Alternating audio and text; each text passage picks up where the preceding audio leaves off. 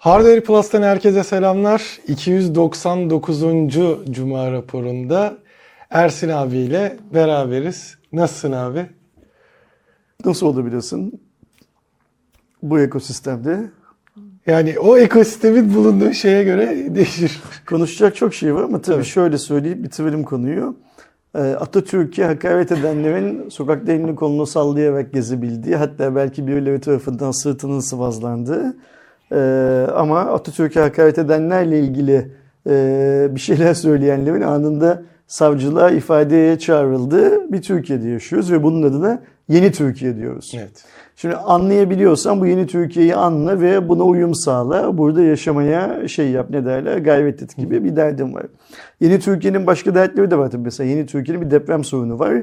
Hiç kimse ne yapacağı konusunda yapılacak şey belli. Bir tane doğru var yapılacak.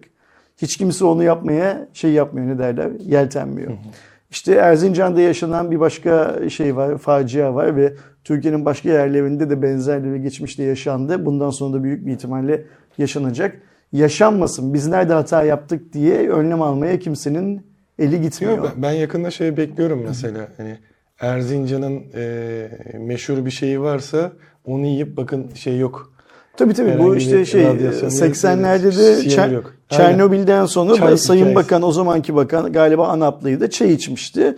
Ondan sonra galiba vefat etti yanlış hatırlamıyorsam. Yani o çay içtiği için değil tabii ki. Vefat etti Hani de yaşı gereği. e, vefat nedeni de galiba kanserdi beyefendinin. Ama o beyefendinin kanserden ölüp ölmemesi önemli. O zamanlar Karadeniz bölgesinde bir anda kanser vakaları arttı. Şimdi istatistikleri doğru tutmazsan Covid'den ölen adamı nefes yetmezliğinden öldü diye şeyi geçirirsen, kayda geçirirsen, Covid'den ölen adamı e, kalp e, krizi yüzünden öldü diye kayda geçirirsen sonradan dönüp etüt yapamazsın bu işlerin üzerinde. Bizde kaç kişi Covid'den ölmüş bilmem neyi falan yapamazsın. Keza e, işte bankaların kayıtlarına göre e, geçmişte depremden önce bankaların müşterisi olduğu bilinen depremden sonra kendilerinden haber alınamayan insan sayısını kulak arkası edersen, göz ardı edersen, bu insanlar nerede diye bir tek bankalar merak ederse, e, devlet bu insanların, bu vatandaşların nerede olduğunu merak etmezse, e, sen kalkar dersin ki depremde çok az insan kaybettik dersin. Yani çok az insandan kastım gerçeğe nazaran çok az insan kaybettik dersin. İşte yeni Türkiye böyle bir paket. Yani bunların tamamının içinde olduğu bir paket. Ee, bu paketin tabii ki şeyi de var, seveni de var. Ee, bu pakette değil, daha demokratik, ee, daha eşitlikçi bir ülkede yaşamak isteyenler de var. Şu an görünen o ki ee, insanların e, ekonomik seviyelerinin birbirlerine yakın olması gerektiğini düşünen, her bir bireyin haklarının diğeriyle aynı olduğunu varsayan ve bugünkü yaşadığımız ortamdan daha iyi bir ortamda yaşamayı hak ettiğimizi düşünenlerin sayısı yeni Türkiye paketini beğenenlerin sayısının altında. Şu an için gördüğümüz dışarıdan baktığımız zaman ya da içinde yaşarken içeriden de gördüğümüz şey bu. Rakam bu. Ama bir yandan da işte sokak röportajlarına falan baktığım zaman ben hiçbir emeklinin aldığı maaştan memnun olduğunu görmüyorum mesela. Sen hiç rastladın mı? Allah razı olsun devlet bana 6500 ve 7000 lira, 10 bin lira, 20 bin lira. Bilmiyorum var mı öyle bir maaş ama 50 bin lira veriyor bu para bana yetiyor diyen bir emekliyle soka- yapılan sokak röportajına rastladın mı? Yok. Aslında şimdi ben geçen hafta burada yoktum. Siz muhtemelen konuşmuşsunuzdur. Geçen haftaki Cuma raporunu da başından sonuna kadar doğru düzgün izleyemedim hala izleyeceğim. Ee, ama mesela işte öte yandan birisi kalkıyor diyor ki bazı vekil arkadaşlarımın da tek geliri diyor onların şeyi e, maaşları diyor. Ne bekliyorduk yani ne, ne, ne olsun başka geliri? Şimdi biz bu adamlara gidin vekil olun diye yalvarmadık ki bu adamlar milletvekili olmanın şartlarını biliyorlardı ve vekil oldular değil mi? Yani sokaktaki Ayşe teyze bir yandan dolandırılan, dolandırılmaktan kastım gerçekten dolandırıcılar tarafından dolandırılan, GSM şirketlerinin şu yeni ödeme şirketlerinin falan dolandırılmasına göz yumduğu, e, Emniyetin, İçişleri Bakanlığı'nın, Ticaret Bakanlığı'nın falan göz yumduğu Ayşe teyze, Fatma teyze ya da Ersin amca gibi emeklinin hayattan, hayat pahalılığından yakınması var. Bir yandan da birisinin kalkıp ya milletvekillerinden bazı arkadaşlarımızın da tek maaşları emekli onların aldığı maaşları demesi lazım. Şu bunu söyleyen adamın büyük bir ihtimalle milletvekili maaşı kaç lira, ülkede asgari ücret kaç lira, emekli kaç lira maaş alıyor, ekmek kaç lira filan gibi bilgileri Emeklilerin emekli ama şey pardon milletvekillerinin emeklilik büyük bir ihtimal bu bilgilere sahip değil bunu söyleyen adam. Yani bunu söyleyen adam ne bir doların kaç TL olduğunu biliyor, ne bir ekmeğin kaç lira olduğunu biliyor, ne bir kilo pirincin, bir kilo kıymanın kaç lira olduğunu biliyor. O zannediyor ki herhalde milletvekili maaşı denilen şey az bir şey zannediyor herhalde. Yani. Böyle konuştuğuna göre. Bir de zaten hani hep şey vardır ya e, meclisteki en hızlı geçen maaş görüşmeleri her zaman milletvekili maaşlarına yollar herkes zamdır. elini kaldı. Hiç kimse de kalkıp şey demez mesela. Ee, biz bu kadar parayı alacak ne hak, ede- hak edecek ne yapıyoruz diye sormaz mesela. Ama işte memura, payımı ödeme, bak, emekliye fark ediyor musun? Genel seçimden beri Türkiye'de bir emekli maaşı, emekli ikramiyesi, emekli zammı sorunu var. Çünkü işin şöyle bir realitesi var Aydoğan hiçbir hükümet emekliye maaş vermek istemez. Çünkü emekli artık çalışıp prim ödeyemeyen insan demek. Yani bütçede bir yük. Bir de hani şey olarak realitede baktığında dediğin gibi e, artık yaşı var. İşte e, daha fazla hasta olma ihtimali var. masrafları daha yüksek. Daha yavaş hareket ediyor falan gibi böyle bir hani fiziksel olarak da yaşanabilecek şeyde İşte sen bu işleri ben buna 20 para yıl önceden, diyor. 30 yıl önceden planlamazsan buradaki lafın mevcut hükümete değil bu anlamda ama mevcut hükümete şu anlamda. Sen 20-30 yıl sonrasını şimdiden planlamazsan bu sorunla karşılaşıyorsun. 20-30 yıl sonra başka bir hükümet bu sorunla karşılaşıyor. İş bu kadar basit. Ancak bu emeklinin suçu değil. Önemli olan bu. kesinlikle. Yani bir insan emekli olarak suç işlemiyor.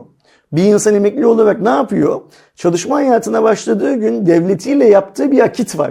Devlet ona diyor ki şu kadar çalışırsan, bu kadar prim ödersen bilmem ne filan filan şu kadar gün sonra emekli olmaya hak kazanırsın diyor. Ve buradaki şartları işçi ya da emekli belirlemiyor. Şartları devlet belirliyor.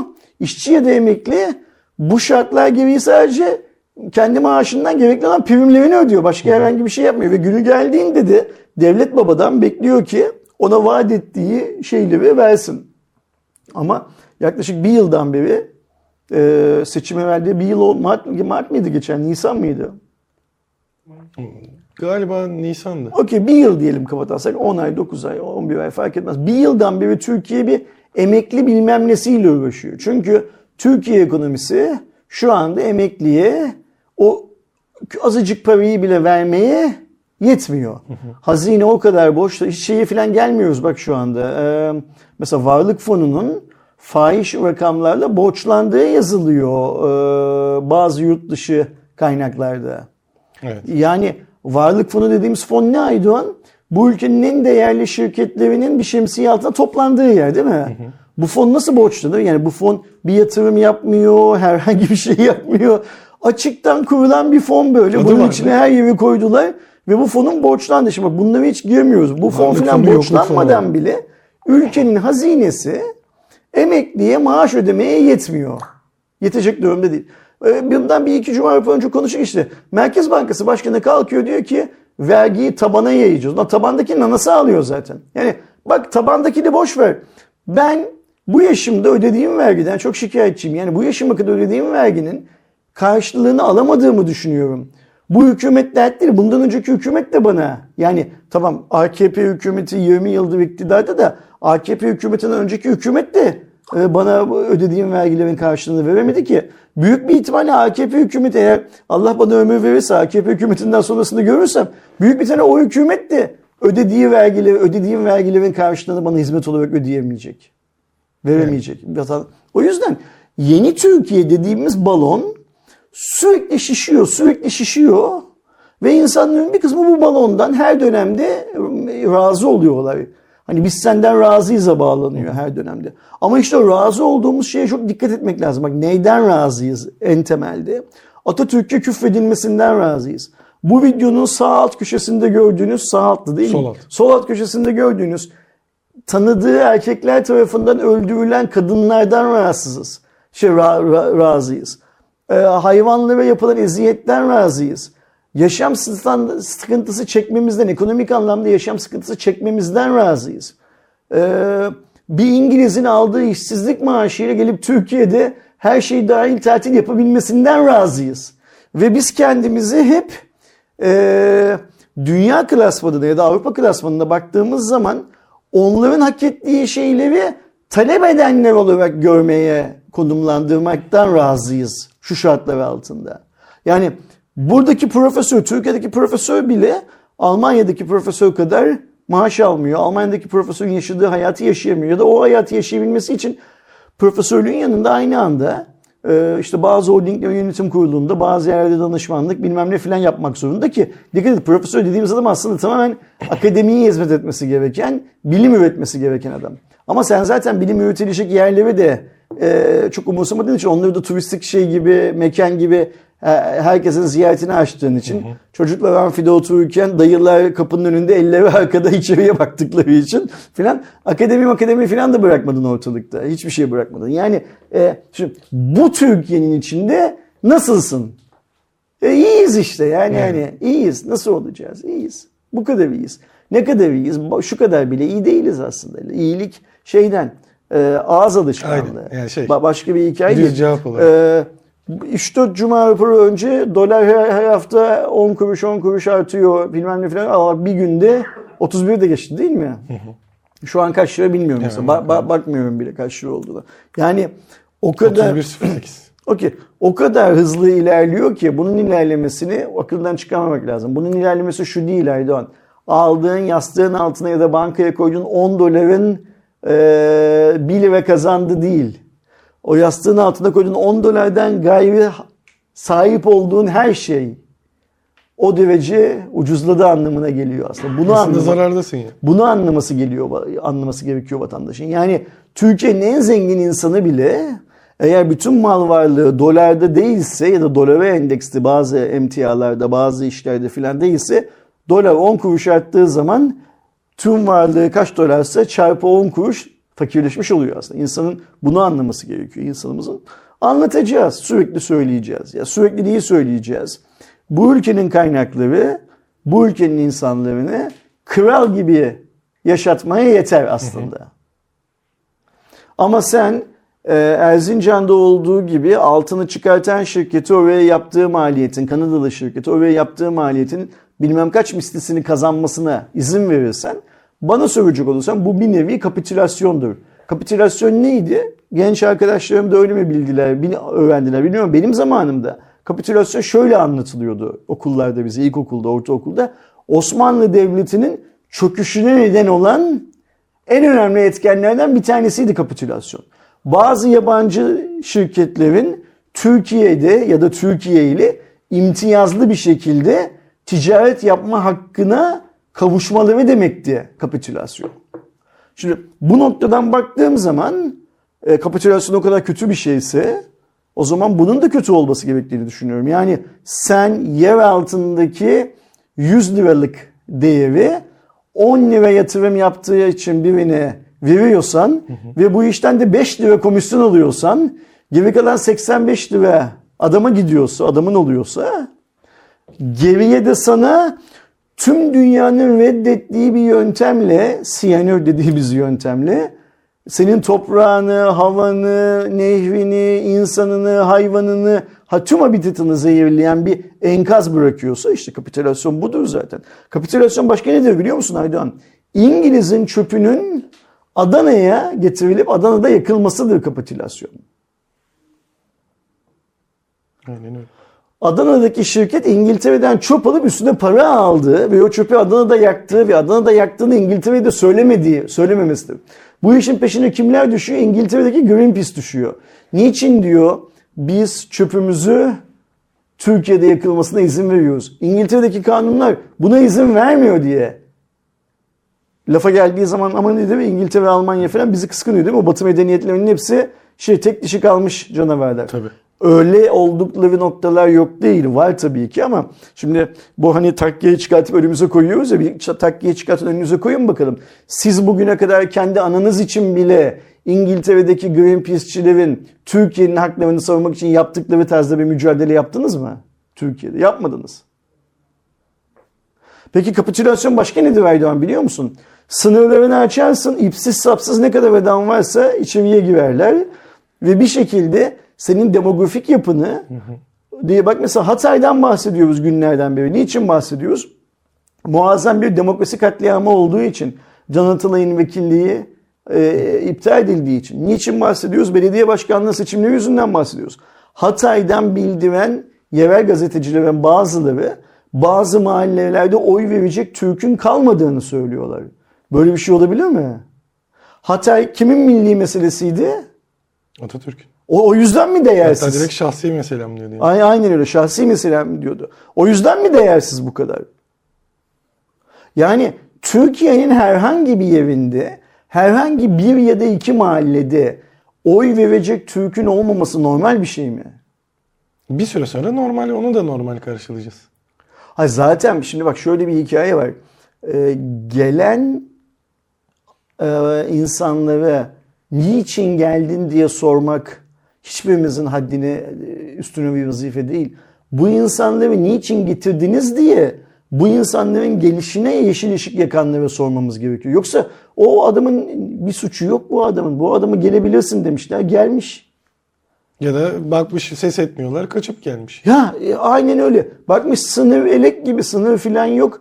İşte Afganistan'dan gelmiş. Gelirken dedim hiç cebime biraz ot koyayım da oradaki 3-5 günlük, bir yıllık, iki yıllık şeyimi de çıkartayım. Nafakamı da çıkartayım diyor. Şimdi ne diyoruz Ayda? Devletin en büyük görevlerinden birisi kontrol. Önce bir kurallar zinciri oluşturmak. Mesela nedir o? Sınır kapısı bir kurallar zinciridir aslında. Her yerden giremezsin. Buradan sınır kapısından gireceksin kuralıyla başlar. Ve şu şu şu evraklarla gireceksin kuralıyla başlar. Şimdi sen kurallar zincirini oluşturup uyumuyorsan yani sınırı olduğu gibi açıyorsan insanlar merdivenden öbür tarafa atlayıp koşa koşa gelip tırların bagajında e, dorselerinde gelip filan giriyorlarsa o zaman sen kural koysan da denetlemiyorsun zaten. Ve hmm, görünen o ki hani biz evet bir kültür mozaiğiyiz. Doğru. Fakat şunu unutmamak lazım. Bu kültür mozaiği yaklaşık 100-150 yıldan beri kendi içinde yaşayan bir kültür mozaiği. Ve bu kültür mozaiği işte Çanakkale, Kurtuluş Savaşı, darbe girişimleri bilmem ne filan gibi şeyleri hep birlikte yaşamış. Öyle ya da böyle bir tarih kurmuş, tarih bağı kurmuş insanlardan oluşuyor. Sen şimdi bunların içine Suriye'den, Afganistan'dan, Afrika'dan, şuradan buradan belli sayıda bu tarih bilgi birliğini bilmeyen insanı enjekte ettiğin zaman işte o bazı sosyal medya paylaşım sitelerinde çıkan Türkiye yanımda işe almıyorum la başlayan sonra Türk kadınlarının videolarını çeken sonra da seçimler falan gibi yerlerde bunların arasında oy kullanma vasfına ne yazık ki sahip olanlar var. Onların da Türkiye Cumhuriyeti Devleti'nin bütünlüğüne e, göz diken bazı güçlerle birlikte hareket edecekleri söylemlerini dinlemek zorunda kalıyorsun. İş bu kadar şey basit. var mesela geçtiğimiz seçimde bizzat zaten yani sosyal medyada çok paylaşıldı. Herkes görmüştür. Ya gördüğünde gülmüştü. Ya büyük, büyük ihtimalle bu şey olmuştur. A Haber mi ATV mi ne havalimanında gelenlerle röportaj yapıyor. Tam şey seçim zamanı. Ee, başkanlık dediğimiz Cumhurbaşkanlığı vesaire seçim zamanı. Adam birine geliyor işte kime oy verdiniz vesaire. Adam Türkçe bilmiyor, Arapça konuşmaya başlıyor. Ve şey oluyor yani bu sayı gitgide artacak. Ben daha komiğini izledim Aydoğan bunun geçen seçimlerden önce. Bir sokak röportajında genç bir kardeşimizle konuşuyorlar. Çocuğun Türkçesi çok çok iyi. Kime oy vereceksin diyor. Ben diyor oy vermeyeceğim diyor. Ama oy versem diyor atıyorum şuna veririm diyor. Niye oy vermeyeceksin? Ben diyor göçmenim diyor. Benim oy verme hakkım yok diyor. Ama o arkadaş bile Türkiye'nin ekonomik durumu ile ilgili bilmem ne şununla bununla ilgili bir yığın laf söyleyebiliyor. Kendisini çünkü burada yaşıyor olarak şey yapıyor, konumlandırıyor. O yüzden bu toplumsal bilinç çok önemli bir nokta.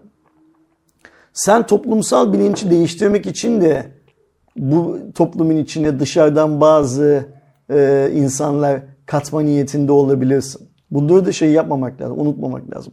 Ama öz cümle unutmamamız gereken, ilk unutmamamız gereken şeyden bir tanesi şu. Bu ülkenin kurucu değerleri herkes için çok çok önemli olması lazım. Amerika'nın kurucu babaları dediği şey. Yani işte bu Kurtuluş Savaşı'nda e, mücadele eden, Kurtuluş Savaşı'nı yöneten, Kurtuluş Savaşı'na katılan, orada kaybettiğimiz ya da orada gazilik ünvanını alan insanların tamamının bu ülkenin geleceği için, daha sonra o insanların sahip olduğu vizyonun bu ülkenin geleceği için çok çok önemli olduğunu aklımızdan çıkarmamamız gerekiyor. Ve önümüzde bütün dünyanın askeri dehasını kabul ettiği Mustafa Kemal Div gibi bir komutan var. Bu komutan e, Mustafa Kemallikten Mustafa Kemal Atatürklüğe geçtiği dönemde de istiyorsanız bir günde atalarımızın mezar taşlarını okuyamadık deyin. İstiyorsanız da modern bir devlet nasıl kurulur onu tüm dünyaya gösteren insan deyin. Hiç fark etmez ne ama yaptığı şey ortadadır. Yakın tarihte dünyada kurulmuş olan belli açılardan bakacak tek devleti kurmuş olan adamdır Mustafa Kemal Atatürk. Bunu unutmamak lazım. Ve Mustafa Kemal Atatürk için öyle böyle şöyle diyen adamların sırtının sıvazlandığı bir ülkenin ben Türkiye diyemiyorum ne yazık ki. Ben ona ancak desem desem yeni Türkiye diyorum. Ve bizler de şu anda bu yeni Türkiye'de yaşamak zorunda bırakılıyoruz. Rehan Muhtar hatırlıyor musun? Tabii ki. Her nerede yaşıyorsan, Yaşıyor yaşatılıyorsan diyordu. İşte yaşatılıyoruz burada. Şimdi bu haftanın aslında teknolojik anlamdaki en önemli noktası şu değil mi? MVC başlıyor. Evet. Pazartesi günü itibariyle. MVC'den önce ben bu hafta Bilkom'un basın toplantısına katıldım. Onun Ee, da şeyi var aslında. Bilkom'un 40. yılıymış. Var mı senin haberlerin arasında? Yani o PlayStation özelinde var. Okey. PlayStation'da toplantının bir parçasıydı. Bilkom'un 40. yılıymış. Ee, 40. yılını kutluyormuş. Ee, süper bir rakam bakacak olursak. İlk şeyle Apple'la başladılar mi? ilk 20 yıl tek marka sadece Apple Türkiye gibi davranıp Apple ürünlerini getirip satmak. Bu arada Bilkom ne diye arkadaş olsa Bilkom bir e, reseller, Evet. bir distribütör. Yani ne yapıyor? E, Fikret abi, Bilkom Genel Müdürü Fikret abi e, çok güzel bir örnek verdi. O Amerika'da bir fuarda bir distribütör e, dağıtımcının tabelasında görmüş. We buy and we sell yazıyormuş. Kendi yaptıkları işte. Aynen öyle. Yani distribütör dediği şey alır, satar. Ne distribütör olduğu önemsiz. Mesela diyelim ki e, Huawei, Çinli marka. Çin'den Huawei'nin malını alır, Türkiye'de satar. Samsung Koreli marka. Samsung'un malını Kore'den alır, burada satar. Apple Amerikan malı, Apple'ı alır, satar. Budur. E, Bilkom 40 yıldır Türkiye'de bu işi yapıyor. Ve ilk 20 yıldan sonraki olan zamanda da çoklu marka şeyine geçtirmiş. E, bugün bir yığın bildiğimiz marka ve işte en sonuncusu da senin biraz önce söylediğin şey PlayStation. PlayStation'ı da sonunda şeyi eklediler. Kataloglarını eklediler. Ben eminim ki geçmişte PlayStation Türkiye'yiz biz diye burada dolaşan adamlardan çok çok daha iyi yöneteceklerdir. Tüm PlayStation operasyonu tabii ki Sony onlara şey yaptığı sürece, izin verdiği sürece şey anlamında yöneti, yönetebilmeleri anlamında. Çünkü mesela yine toplantının anladığım kadarıyla e, Türkiye'de iki call center olacakmış mesela Sony'nin. Birisi Sony Türkiye'nin kendi call center'ı, birisi Bilkom'un.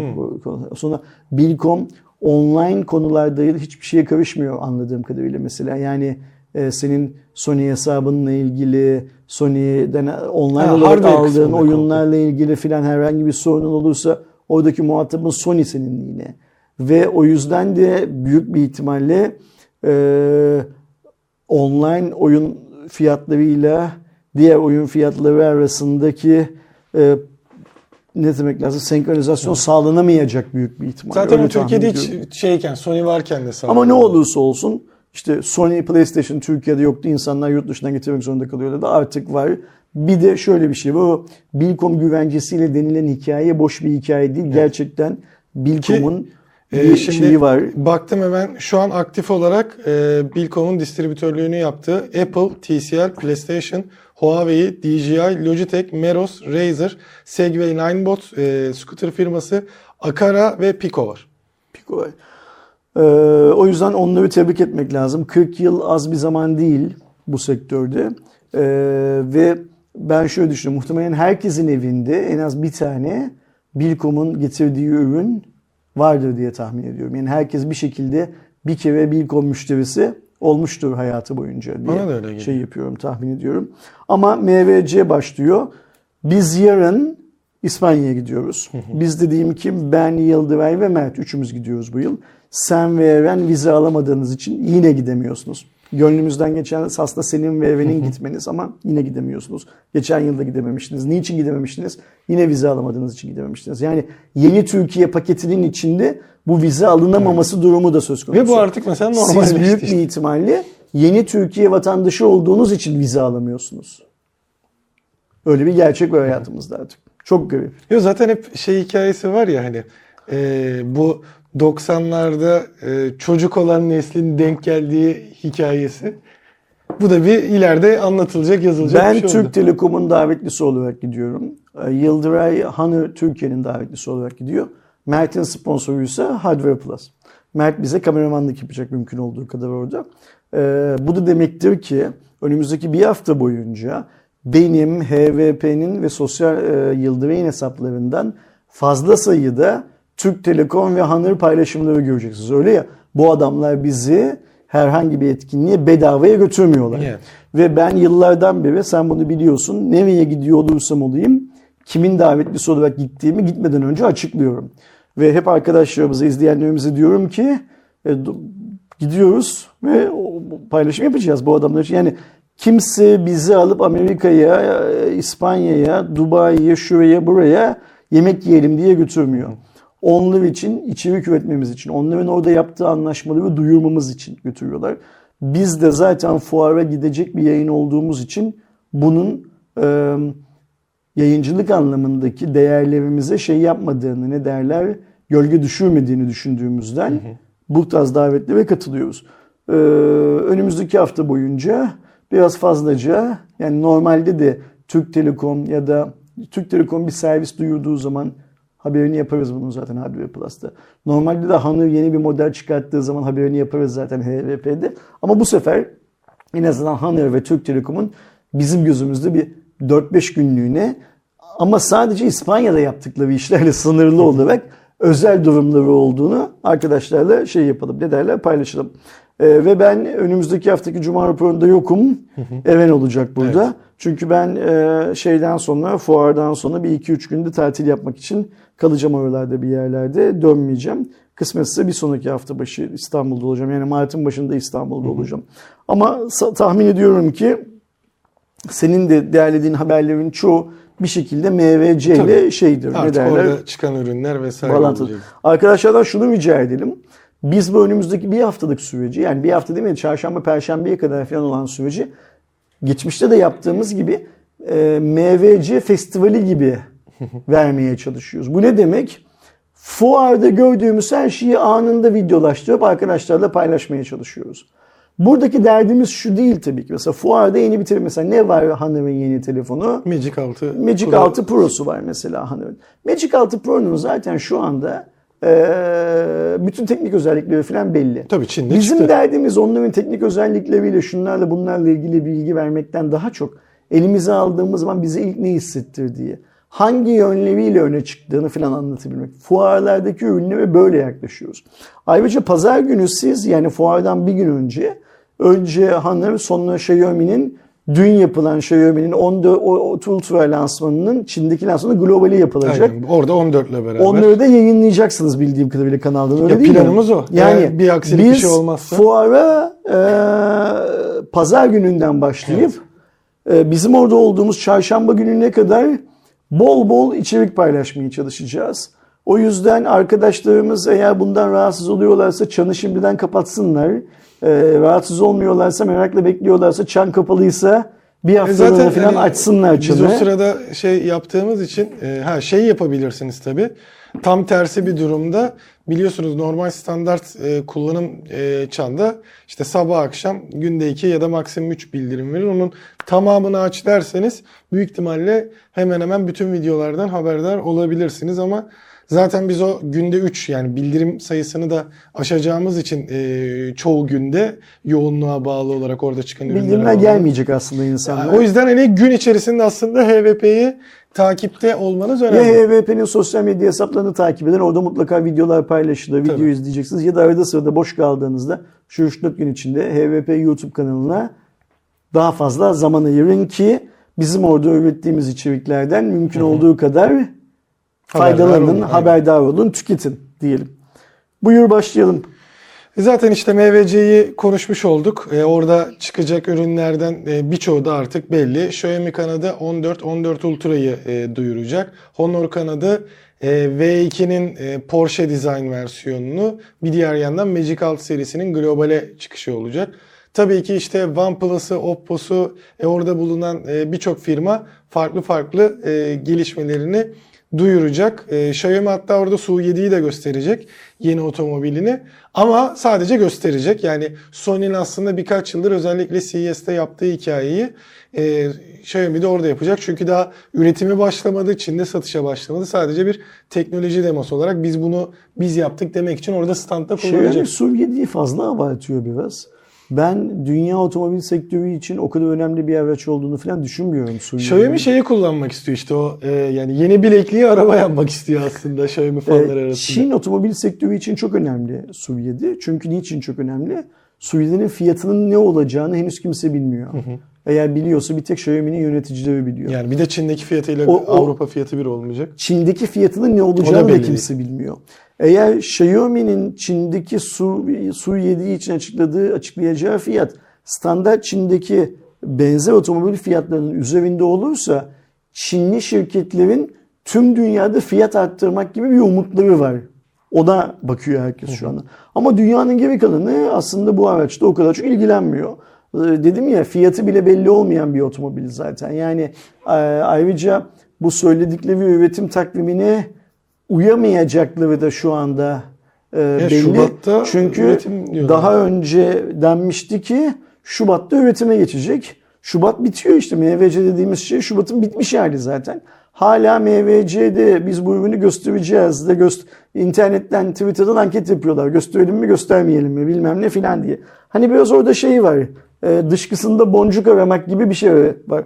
Ve benim anladığım kadarıyla bu dünyanın bazı yerlerinde bazı ekonomi ve otomobil yayıncıları tarafından acaba markanın elinde gerçekten çalışır, her türlü testten geçmiş, ticari olarak piyasaya sürülebilen bir ürün yok mu? şeyini uyandırıyor. Ve şu tarz şeyleri okuyorum. Ya bu sonuçta bir Çinli marka. Ürün çıkana kadar ve hatta ürün globalde satılana kadar ürüne yokmuş gözüyle bakabiliriz formundalar. Çünkü Xiaomi süreci ne yazık ki çok hızlı girdi. Ürünü çok erken ortaya çıkarttı ama ürünü ilk ortaya çıkartmasından sonraki süreci sanki şey yapamadı, yönetemedi. Bu şey gibi olacak bence hatırlıyor musun? Gittiğimiz bir MVC'de ilk katlanabilir Samsung ve Huawei telefonları cam ekranın içinde Bunda görmüştük. da değmeden uzaktan şey olabilir belki. Burada da yine orada bir araba olacak ve bizim o arabaya elektrikli olduğuna, Su7'nin o olduğuna, bütün özelliklerinin çalıştığına falan inanmamız beklenecek büyük Yani. bir ihtimalle. Sonradan da bence güzel bir şekilde e, şeyle coin'le moin'le de ön sipariş yaparlarsa güzel bir taktik olabilir. TOG'dan öğrenmişlerse diyorsun o hikayeyi. Hadi bakalım. Ee, işte Xiaomi'nin aslında önemli şeylerinden biri Xiaomi 14 Ultra olacak. Ee, normalde dün biz e, saat 2'de bir canlı yayın yaptık Eren'le beraber. Çin lansmanı yapıldı. Çünkü orada zaten 14 serisi tanıtılmıştı.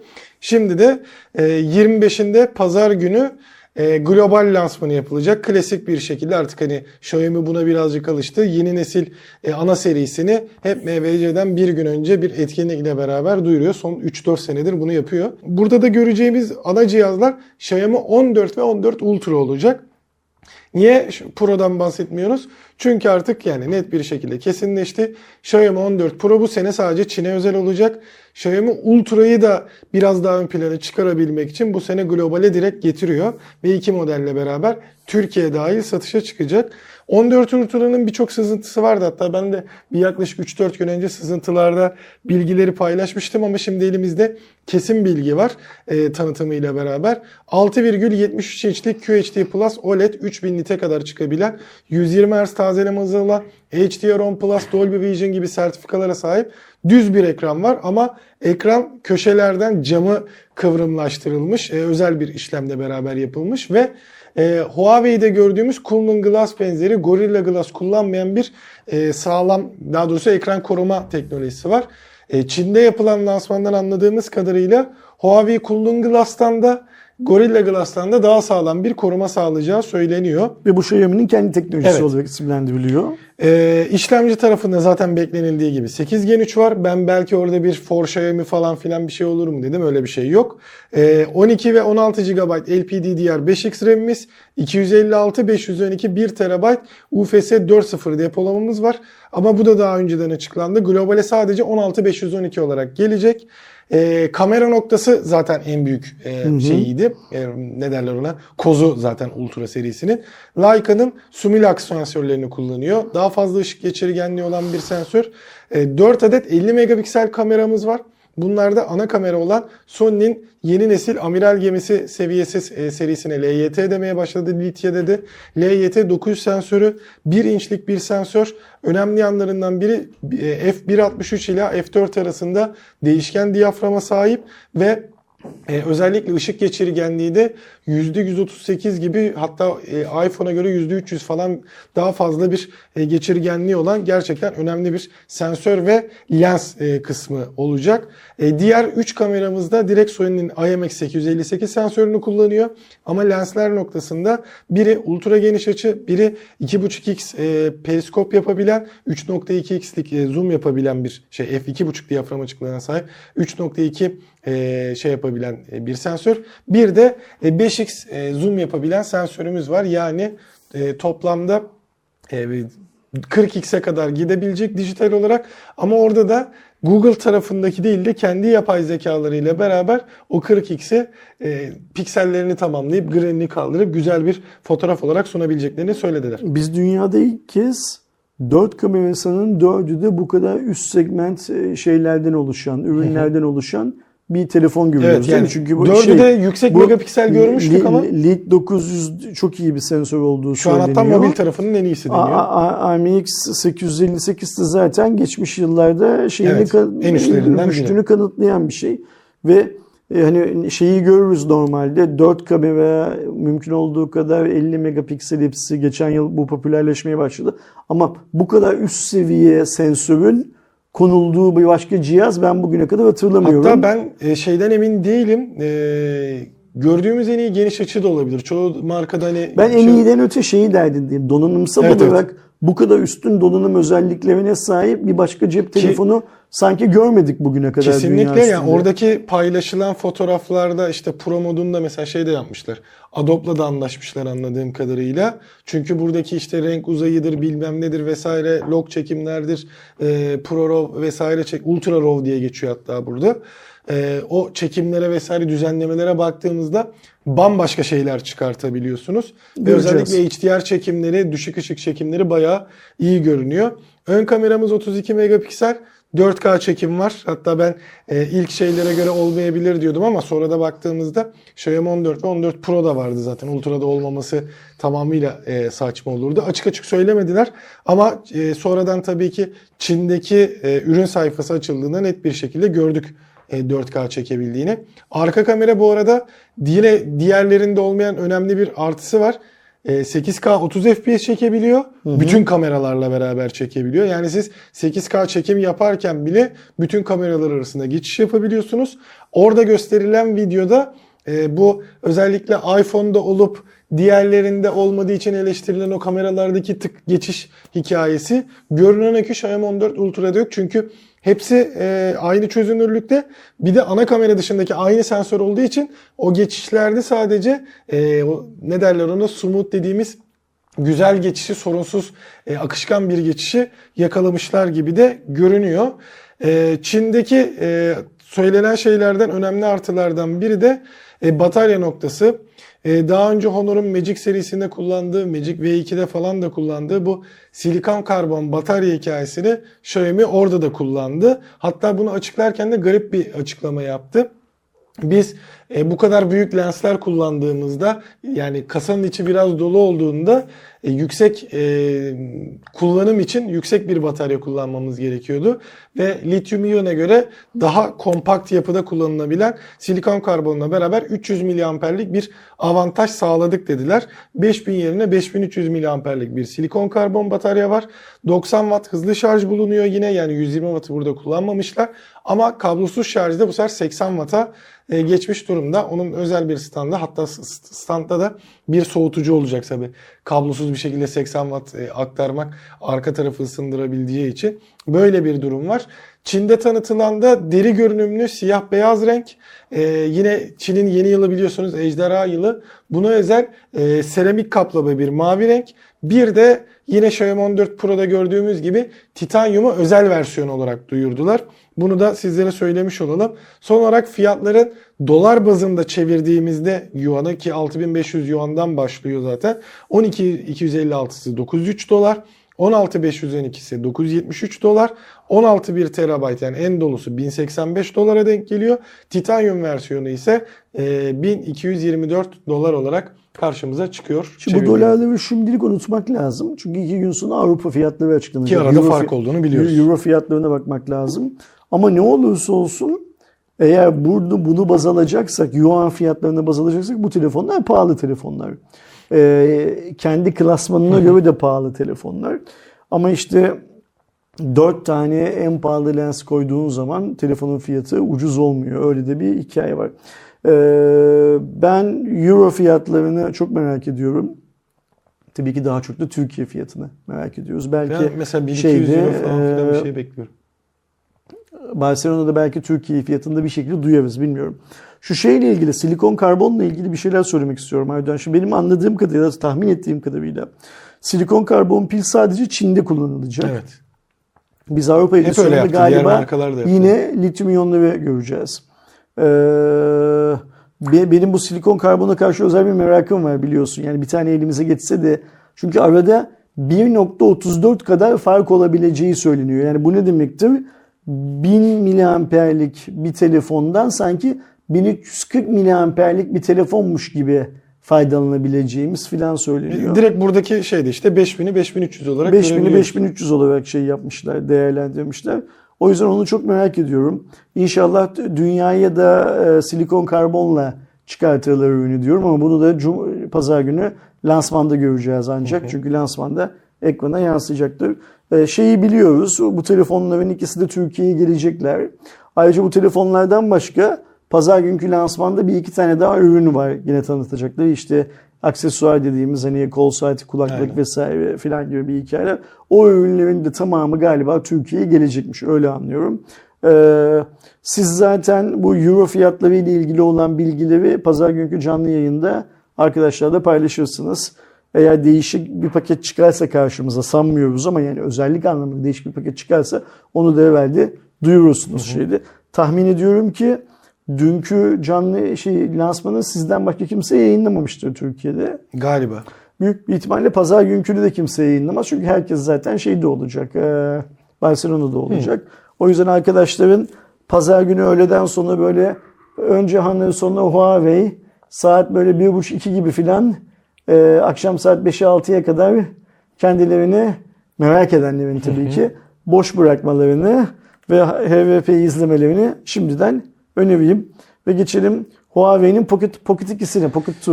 Evet yani dün aynı zamanda e, biz Xiaomi lansmanındayken bir anda Huawei yine tabii ki şu an için Çin'de Pocket 2'ni yani direkt böyle siteye koyarak satışına başladı. Yani aslında istiridye kabuğu e, tarzında işte e, Philip de dediğimiz birçok e, diğer markalar Philip adıyla kullandığı katlanabilir cihazını tanıttı.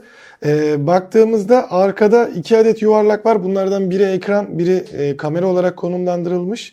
E, ama ana ekranımıza baktığımızda 6,94 inçlik yani neredeyse 7 inçlik e, yine böyle 1.5K diyebileceğimiz 2690'a 1136 piksellik 2200 nite çıkabilen 120 Hz LTPO e, OLED katlanabilir bir ekran var.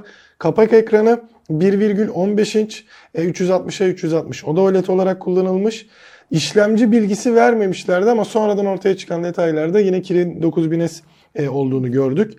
12 GB RAM Depolamada 256, 512 ve 1 TB seçeneğimiz var. E, bataryası 4520 mAh bataryaymış. 66 wattlık kablolu, 40 watt kablosuz hızlı şarj desteği var. Kamerası e, 50 12 8 2 şeklinde sıralanıyor. Ön kamera 10,7 megapiksellik e, Harmony OS ile beraber geliyor ve e, 200 gramda bir e, ağırlığı bulunuyor. Gri, mor, beyaz ve siyah rengi var ve 1044 dolardan da başlıyor. 1252 dolara kadar da çıkıyor. Şeydeki Ba- ba- bakalım bunu şeyde görecek miyiz? Ee, Barcelona'da görecek miyiz? Öyle ya yani fuar öncesi böyle bir telefonu Çin'de satıyorsa şunu unutmamak lazım. Huawei hala MVC'nin, Kongre'nin en büyük sponsoru. Ee, ve hatta benim bildiğim kadarıyla tüm operasyona en büyük parayı yatıran şirket hala Huawei. Ve bu yüzden de o fuarın içinde sanki kendi fuarını açıyormuş gibi Huawei Town denilebileceğimiz Chinatown'dan yola çıkarak Huawei Town denilebileceğim bir bölgeye sahip oluyor. Ve o bölgede de ürünlerini tanıtıyor. Şimdi mesela ben dün bunu duyar duymaz hemen acaba dedim ki Pocket 2, Pocket 2 şeyde olur mu? MVC'de olur mu? Öyle orası bir gösteri, demonstrasyon alanı oraya koyarlar Bence koyabilirler belki. çünkü orada daha çıkmamış ürünlerini de getirebiliyorlar. Getirebiliyorlar bazen. Bakalım eğer olursa onunla ilgili de bir video çeker şey yaparız paylaşıyoruz. Burada önemli olan şey Türkiye'ye gelip gelmeyeceği. Orada da şöyle bir düz mantıkla ilerleyebiliyoruz. Bunun bir önceki versiyonu geldi mi? Okey o zaman bu da geliyor büyük Yani. bir ihtimalle diye düşün, düşünmeliyiz. Bir diğer yandan bu haftanın Türkiye açısından önemli gelişmelerinden biri de biliyorsunuz Milli Muharip Uçak olarak bildiğimiz ve sonradan e, galiba geçtiğimiz Teknofest'teydi. Kaan adını da e, açıklanan e, kendi uçağımızın 21 Şubat'ta ilk uçuşunu gerçekleştirmesi. Böylece işte 5. nesil uçağı neredeyse hazır hale getiren, getiren e, yaklaşık 5 ülkeden e, biri olduk. Bu süreci e, kısaca özetlemek gerekirse aslında biz bunu çok daha önceden e, planlamıştık. Hatta F-35 projesindeyken e, orada F-35'in özellikle havadaki e, muharebede daha şey kaldığı yani asıl amacının yukarıdan aşağıya havadan karaya bir e, şey olduğunu saldırı ya da işte ne derlerse ona havacılıkta mıydı? atak da denebilir e, olduğunu nazaran oradaki şeyi e, kapatabilmek açısından da sonradan F-35 hikayelerini hepiniz biliyorsunuzdur. S-400'ü alıp F-35'ten çıktıktan sonra elimizde kalan bir proje olarak daha da bir önemli hale geldi ve tabii ki Türkiye'deki gerekli bakanlıklar, başkanlıklar ve tabii ki en başta TUSAŞ e, buradaki şeyi e, odağı arttırarak daha hızlı bir şekilde hazır hale getirdiler ve dediğimiz gibi ilk uçuşunu da e, yaklaşık iki gün önce gerçekleştirdi. Sen de bununla ilgili kanalda bir tane video çektin zaten. Çok başarılı. Bunu tabii ki kazasız belasız havalandığını ve kazasız belasız indiğini görmek çok önemli. Türkiye'nin havacılık tarihi açısından çok çok önemli. Türkiye'nin o benim çok sevmediğim e, savaş ekonomisi anlamında çok çok önemli. E, ben burada Kaan'la ilgili değil de şimdi arkadaşlarımız bilmezler. Bizim çektiğimiz şu videoya telif geldi. Ya telif nedir? Bir yayıncı dedi ki videonuzda benim telif haklarımda olan bir şeyleri kullanıyorsunuz. Biz ilk önce bunun müzik olduğunu sandık. İlk müzikti bu arada şeyde ufak Sonra döndük baktık. E, müziği hallettikten sonra bakanlık telif atıyor. Yani bakanlığın televizyon kanalları, te, gazeteler, şunlar bunlar kullansın diye yayınladığı görüntüleri sen YouTube'da kullandığın zaman bakanlık senin videona telif atıyor. Bu garip bir hikaye. Yani Evet, ben bence şaşırdım. bu bir iş bilmezlik. Iş o ajansın bilemezlik. vesaire şey olup Ya ne olursa olsun yani hani alacak. tabii ki ajans yapıyor bunu. Zaten orada telifi atan kurumun Aynen. adı filan da görünüyor. Ama bakanlık adına te- o telifi attığı da yazıyor detaylarda. Bu, bu çok büyük bir iş bilmemezlik bu. Yani sen dünyada bu haber olsun diye e, görüntü paylaşıyorsun. Sonra da paylaştığın görüntüleri kullananlara telif atıyorsun. Şimdi şu işten bakanlık 1 lira para kazanamaz. Yani bütün dünyada bunun toplam izlenmesinden bakanlığın kasasına 1000 dolar para girmez. Ama girmeyecek olan 1000 dolar para için işte burada Ersin'i konuşturuyorsun. Atıyorum Amerika'da havacılık yayını yapan kanallar vardır. O kanallardaki adamları mutsuz ediyorsun. Bilmem ne yapıyorsun filan. Ve teorik olarak sen çok çok daha iyi görüntüler kaydedip Öyle o görüntüler çok kaliteli görüntüler de değil bir yandan bakacak olursa. Yani hani bir yerden sanki cep telefonuyla çekilmiş. Arada böyle asmaların bilmem nelerin arasında filan giren bir iniş görüntüsünden bahsediyoruz öyle değil mi? Senin çok çok daha kaliteli görüntüler çekip Ee, bunları paylaşman lazım ki dünyayla. Tüm dünya Türkiye kendi e, savaş uçağını başarıyla havalandırdı ve başarıyla indirdiği anlasın diye. Bunu yapamıyorsun. Yaptığın kötü görüntü için de telif e, talebinde bulunuyorsun. Acaba televizyonlardan filan ne yaptılar? Şimdi mesela şunu merak ediyorum. Ee, televizyonların haber bültenleri artık YouTube'da da var ya. Evet. Mesela atıyorum şimdi A Haber bu görüntüyü yayınladı ve sonra da A Haber'in YouTube sayfasına koydu. A Haber'de telif attılar mı acaba? Yoksa sadece Hardware Plus'a mı attılar? Yani öyle ya hükümete yakın olan yayınlara telif atmayıp bizim gibi muhalif olduğu bilinen yayınlara mı sadece telif attılar acaba? Ya da A Haber'de telif attılarsa A Haber bu konuda ne diyor? Çok saçma sapan işler. İşte tam şey yeni Türkiye işi böyle ya. Bu, bu işler yeni Türkiye'de böyle yapılıyor ne yazık ki. Ve iş Kaan'ın kendisinden buna kayıyor fokus ister istemez. Doğru. Çok yazık. Kaan'a yazık. Devam ettiğimizde Galaxy AI özellikleriyle ön plana çıkan bir S24 serisini hatırlıyorsunuz. Hatta hani ben bunu gerçekten eleştirmiştim. Hatta pardon S24 serisi lansmanı değil S24 Ultra lansmanıydı. Çünkü S24 ve Plus'tan hiç bahsedilmedi.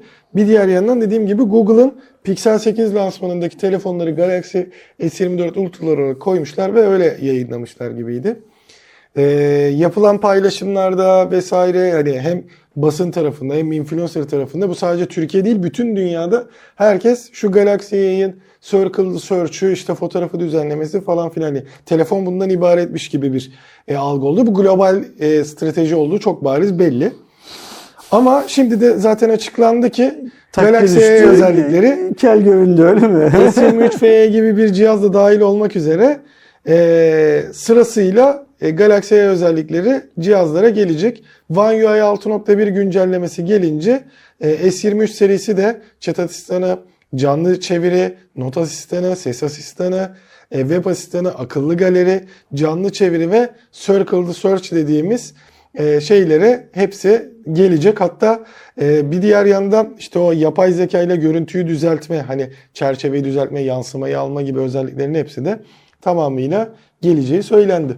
Yani lansmanda o kadar anlatılan S24 Ultra'ya özel olduğu söylenilen ama aslında S24 Ultra'ya değil bütün Google e, Android ekosisteminin kullanabileceği özelliklerin tamamını Samsung şimdi hemen bir alt e, bir eski ürün grubuna veriyor öyle mi? Aynen güncelleme 6.1'i dağıtmaya başladığında bu sene içerisinde gelecek. Hayırlı olsun diyelim. Söyleyecek Şey açısından bu şey yok arada burada. S23 Türkiye açısından baktığımızda S23 serisini kullananlar daha şeyli olacaklar. Şanslı olacaklar. Şu manada şanslı olacaklar.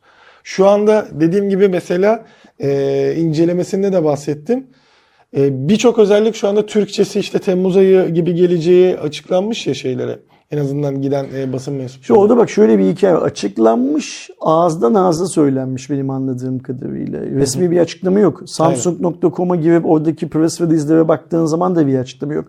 Samsung.com'daki basın iletişim modülünden böyle bir soru sorduğun zaman sana verilen bir cevap da yok. Samsung.com.tr ya Samsung Türkiye'ye herhangi bir soru sorduğun zaman da sana verilen bir cevap yok. Yani gazeteci olarak ya da son kullanıcı olarak yok. Şimdi bu ağızdan ağza söyleniyor. Biz daha önce Bixby'de de ağızdan ağza hatta Bixby'de lansmanda o günkü Samsung Türkiye'nin en tepe yöneticisinin yıl sonuna kadar Türkiye'ye gelecek dediğini biliyoruz Bixby'nin değil mi? Türkçe'ye gelecek dediğini biliyoruz. Lansmanda sahnede söyledi bunu. Şimdi Samsung onu yapmadı ve şimdi bunu yapacağını varsayıyor. Samsung böyle ağızdan ağza neleri söyledi geçmişte? Bixby'yi söyledi. Dünyada en çok not satan ülkeyiz dedi değil mi? Not end of life olmadan, öldürülmeden bir yıl önce bunu söyledi. Öyle değil mi? Evet evet hatırlıyorum. Xiaomi Türkiye'de o kadar çok satmıyor. En çok biz satıyoruz dedi. Değil mi? Xiaomi biz e, birinci olduk dedikten sonra. Dedikten sonra filan. Samsung Türkiye'nin bu kötü huyundan vazgeçmesi lazım. Yani ve bazı arkadaşların da kendilerinin Samsung Türkiye tarafından kullanılmasına izin vermemeleri lazım. Hani bu kullanışlı aptallar diye bir laf var ya. işte Körfez Savaşı'nda filan hani embedded olarak isimlendirildiler filan. Bu, bu topa girmemeleri lazım bazı arkadaşların da. Ee, bence isim vererek bize Samsung'dan Aydoğan söyledi, Ersin söyledi filan demeleri lazım bunu. Eğer kendi yayınlarında, yayından kastım sosyal medya paylaşımı, web sitesi, YouTube kanallarında filan bu işi e, söylüyorlarsa. Çünkü niye biliyor musun? Ben tahmin ediyorum ki yıl sonuna kadar Samsung bu özellikleri Türkçe vermeyecek. Ve yine arada Samsung için kullanışlı aptal pozisyonunda olan gazetecilerin, yayıncıların reputasyonu zarar görecek sadece. Ya ben de şey diyecektim. Eğer sözlerini tutarlar da Temmuz gibi gelirse S23 kullanıcılara da One UI e, 6.1 gelmesi yazı büyük ihtimalle bulur. Alır almaz cihazlarına e, parası S24 kullanıcıların parasını verdikleri özelliği almış olacaktır. Ben Samsung Türkiye'nin buna izin vereceğini düşünmüyorum. Sırf bu senin şu verdiğin örnek yüzünden buna izin vereceğini düşünmüyorum. Yani onlar S24 Ultra satmaya çalışırlarken burada daha ucuzu var ve izin verirler mi? Ve hala o cihazın sıfırı Samsung Türkiye tarafından satılırken. Allah göreceğiz. Okey, Nasıl bir şey olacak? Allah ömür versin görelim diyelim. E, bir diğer yandan Kullanışlı aptal olmayın. Doğru. Bir diğer yandan e, Nothing tarafında da biliyorsunuz e, 2A modeli e, tanıtılacak. O da zaten hani bu e, önümüzdeki 1-2 hafta içerisinde gelmesi bekleniyor. En son işlemcisi de açıklandı. Hatta gerçekten CarPlay artık şey de oldu yani. İşlemcisinin bile açıklandığı bir canlı yayın. Sadece olay işlemciyi açıklamak falan olduğu bir e, ben şey sisteme bu çevirdiler. hikayenin bu arada çok abartıldığını da düşünüyorum. Yani Nothing'in cürmü ne bu endüstrinin içinde? Şu an Eğer bu endüstri bir kazansa Nothing bir çay kaşığı kadar değil bu endüstrinin içi. Ve Carl Pei, hatırlıyor musun daha önce bir şey yaptım ne derler benzetme yaptım. Carl Pei e, Nothing Phone markasının hiçbir şey ifade etmediğinin falan çok farkında. Carl Pei Android ekosistemi içinde kendisini ve yaptığı işi önemli göstermeye çalışıyor ve önemli göstermeye çalışırken böyle çok büyük hamleler yapıyor. Yani normalde hiçbir aklı başında insanın yapmayacağı hamleler yapıyor. İşte Apple'a kafa tutuyor durduğu yerde e, bence tamamen düzmece kest insanlarla anlaşıp Londra sokaklarında cihazı satın almak için kuyruğa girmiş 500'lerce binlerce insan oluşturuyor. Pop-up store'lar açıp dünya Avrupa'nın her yerinde o store'lardan alışveriş yapsın diye bence yine sahte karakterler bilmem ne. yani ben şöyle düşünüyorum. Gidip alıyorlar arka kapıdan da götürüp geriye veriyorlar şeye dükkana. Sonra bir başkası gelip o cihazı alıyor. Çünkü o kadar satmıyor mesela şimdi İngiltere'deki filan cihazların satış rakamlarını görebiliyoruz. Nothing Phone 2 çıktığı zaman e, Piccadilly'deki e, Nothing e, Phone pop-up store'un önünde 2000 kişiye yakın kuyruk var telefon almak için. O hafta İngiltere'de satılan telefonların listesine bakıyorsun. Nothing Phone listeye bile girmemiş. Listeye girmesi için de 300-400 satması yeterli. Girememiş bile listeye. Şimdi 2000 kişi dizilmiş hesapta ve Carl bunun videosunu çekip paylaşıyor sosyal medyada. İnsanlar kuyruğa gider falan.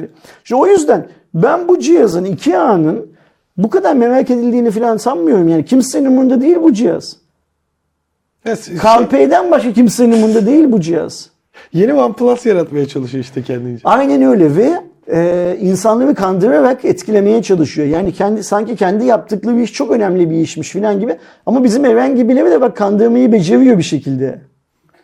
Yani. Ö- öyle de bir hikaye var. Yani adamın yaptığı şey boşa değil. Bu bir nevi Nasrettin Hoca'nın gölü mayalasılması gibi ya tutarsa. Çünkü buradaki amaç şey biliyorsun yani Nothing Phone'u allayıp pullayıp birilerine itelemeye çalışıyor Kalpey. Yoksa kendi hayatının sonuna kadar Nothing Phone'u kurduğu hala onun CEO'su olarak görev yapmakta bilmem ne filan diye bir özgeçmişe sahip olacak bir adam değil zaten. Bunu devrettikten sonra Bunu ben bir, şey ara- bunu bir araba filan böyle Dubai'li filan bir fona e, hak ettiğinin 100 misli filan değerine çakıp sonra yoluna bakmayı Sonra planlıyor. Everything Kay- Phone çıkartır. Ne? Everything Phone çıkartır. Everything falan ondan. Nothing'den sonra everything güzel. Güzel. Bunu yaz. Evet. Fikri. O yüzden de seninle bir öne geçmeden şunu söylemeye çalışıyorum. Ortada bir şey yokken ortada bir şey varmış gibi bir hava estirmeye çalışıyorlar. Ve bunu da arkalarına aldıkları bir troll ordusuyla çok iyi yapıyorlar. Yani doğru. Kesinlikle. Onların da şimdiye kadar çıkarttıkları işte uygun fiyatlı olacak e, Nothing Phone 2A kısmında Ee, özelliklerde birazcık belli oldu. 2 adet daha doğrusu 50 megapiksellik sensörü bulunacak. Bunlardan biri ISOCELL e, S5K G9, diğeri de JN1 sensörü olarak karşımıza çıkacak. Ön tarafta 32 megapiksellik kameramız var. 6,7 inçlik e, AMOLED 120 Hz bir ekran e, ve işlemcinin de MediaTek Dimensity 7200 Pro olacağı açıklandı. E, böylece e, baktığımızda 7200'ün birazcık daha böyle hızlı hız, hız aşırtılmış hali de diyebiliriz. E, bunun dışında baktığımızda 45 Watt şarj desteği olacak ama kutudan şarj çıkmayacak. Ve e, Hindistan'da da ortaya çıkan sızıntılara göre e, 2500 e, Hindistan rupisi yani yaklaşık 280 euro gibi bir fiyata sahip olacağı söyleniyor. Bu model de Evofon tarafından Türkiye'ye getirileceği söylenmişti. Gelsin bakalım. Yani şunu söylemek lazım. Nothing Phone 2 Türkiye'ye geldi değil mi? Geldi. Kimsenin umurunda oldu mu? Fiyat sağ olsun çok fazla Olmadı. olamadı. Okey tamam. Burada da işte ona bakacağız. Yani kimsenin umurunda olacak mı? Fiyatı ben yine önemli. Nothing Phone 2'nin Türkiye'de satışa çıkmasını Calpay'nin bile umursadığını düşünmüyorum bu arada. Calpay gibi bir adamın teorik olarak şey yapması lazım. İşte dünyanın bilmem kaç ülkesinde satılıyoruz bilmem ne filan gibi kendince balonun içine üfleyeceği hikaye uydurması lazım. Onu bile ya yapmaz. Türkiye Türkiye umurunda bile değildir Calpay'nin. Onu da göreceğiz zaten hani gelen sayıyla, fiyatla vesaire. Ee, GPT noktasına geldiğimizde zaten artık bu yılın en çok konuştuğumuz şeyleri olacağı artık garanti. Ee, Aselsan da Asel GPT adındaki hizmetini duyurdu. Ee, özellikle Aselsan kanadındaki teknoloji ve strateji yönetimi genel müdür yardımcısı Taha Yücel tarafından e, bu açıklanmış. E, Havelsan'ın da biliyorsunuz bir tane e, şeyinden mailinden bahsetmiştik. E, Aselsan da e, yerli ve milli bir yapay zeka modeli olduğunu söylemiş. E, şu anda e, ana odağının veri güvenliği olacağı söyleniyor Asel GPT için. E, ama şu anda halka açık olup olmayacağıyla veya nasıl bir sistem olacağıyla alakalı şey yok. Sadece böyle bir çalışma Şeyi de olduğunu bilmiyoruz değil mi? geldi.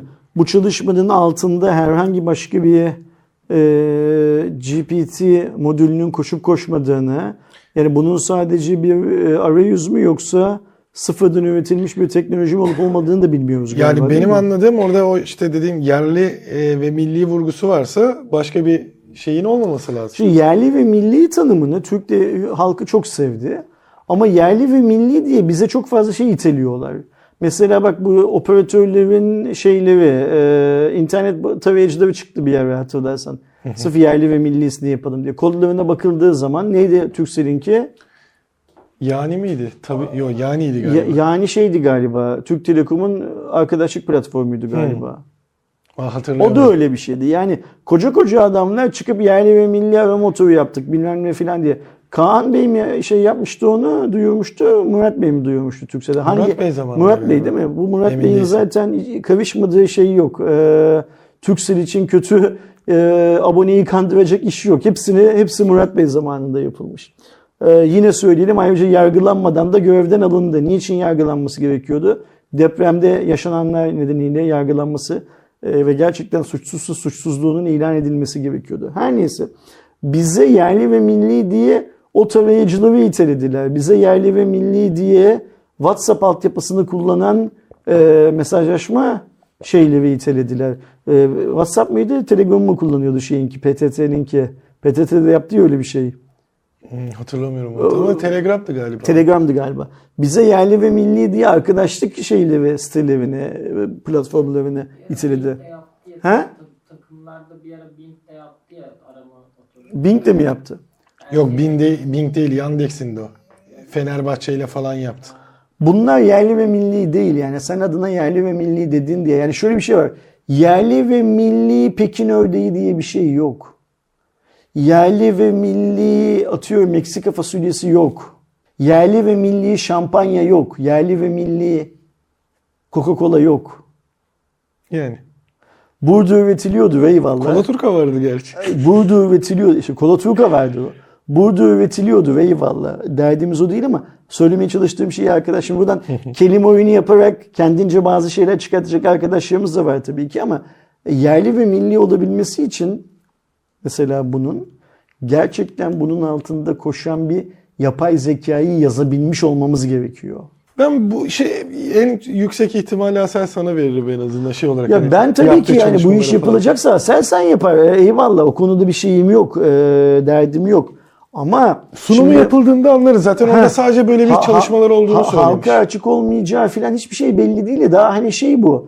Hani şey muhabbeti vardır ya babanın yediği portakalda vitamin değildin bilmem ne falan hikayesi var ya. öyle bir durumdayken e, yapay zekayı geliştiren adamlar da acaba şöyle bir, bir süre dursak hiçbir şey değiştirmesek bu geliştirdiğimiz şeyler insanlık tarihine yarar mı sağlayacak, zarar mı verecek onu bir anlasak filan durumundayken bana böyle biraz şey gibi geliyor bu açıklamaların yapılması komik gibi geliyor. Ve yerli ve milli tanımının arkasına bu biraz önce verdiğim yerli ve milli olmayan şeylerin eklenmesiyle aslında yerli ve milli tanımının da zarar gördüğünü düşünüyorum bir yandan da.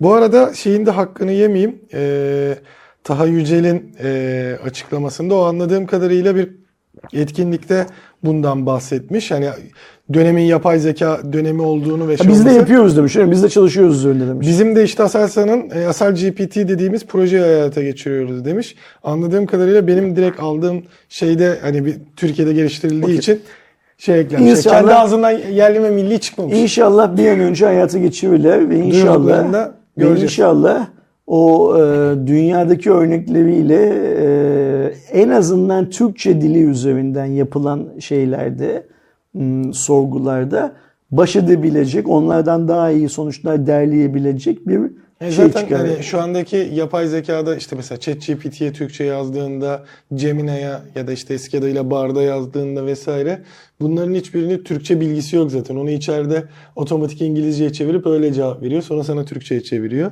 O yüzden bazen saçma sonuçlar alabiliyorsunuz aslında. En büyük sebebi o.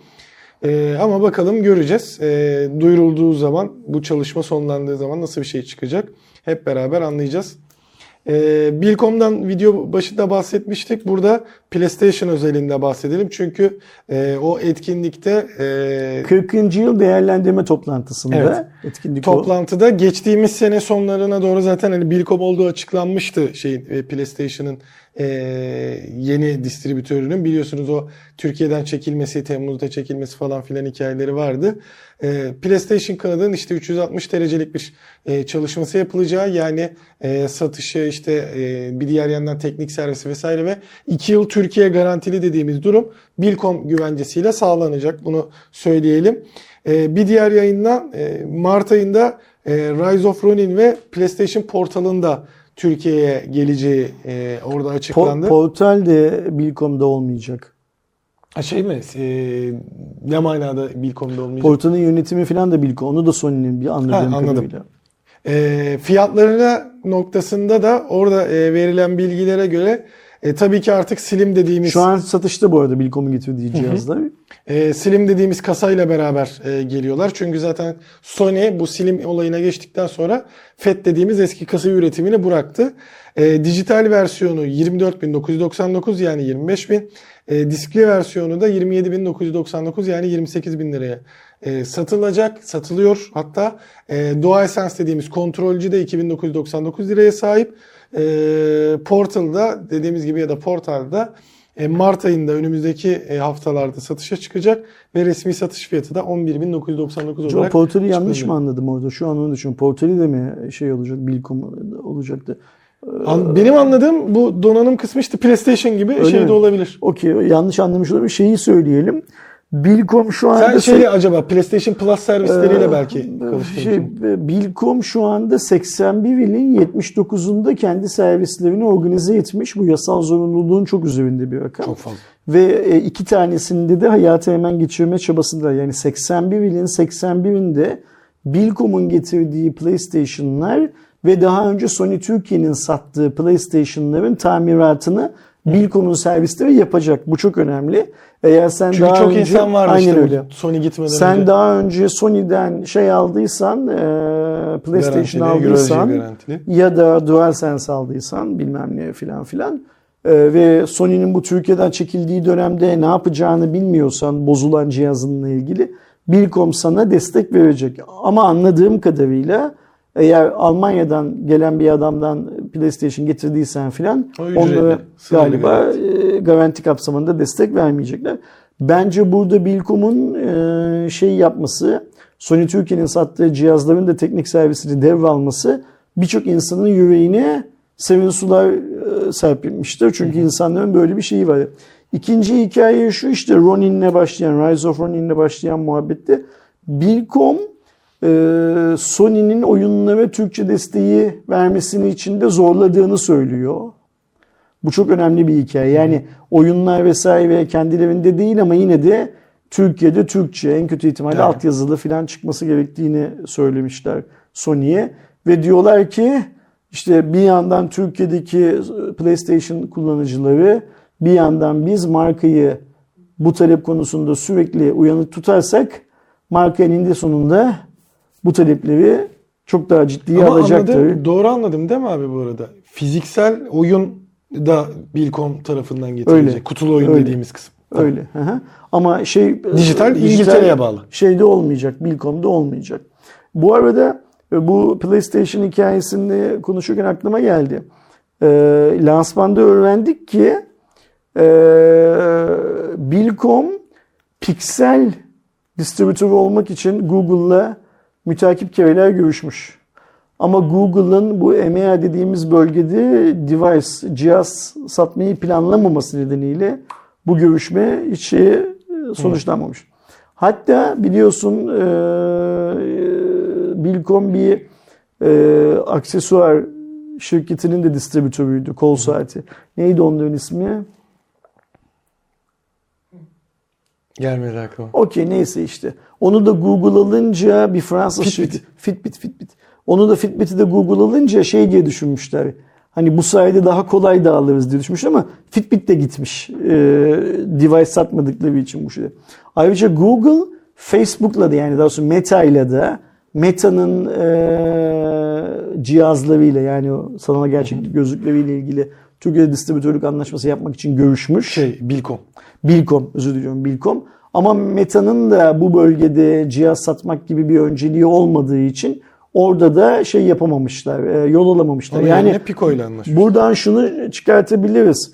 Bilkom sürekli yeni markalar yani PlayStation evet belki Bilkom için şu anda çok önemli ama eğer bir punduna uydurabilirlerse belki Pixel'i belki Meta'yı da tekrar Türkiye'ye getirebilecek Umarım. şeydeler. E, ne derler? E, rotadalar yani. Onu da şey yapmamak lazım. Ben de kendilerine e, bir başka cep telefonu şirketini önerdim. Türkiye'de distribütörlüğünü e, düşünebilecekleri yönünde. Bakalım gelecekte görürüz. E, ilgilenirler ve ilgilenmezler. Orada bir e,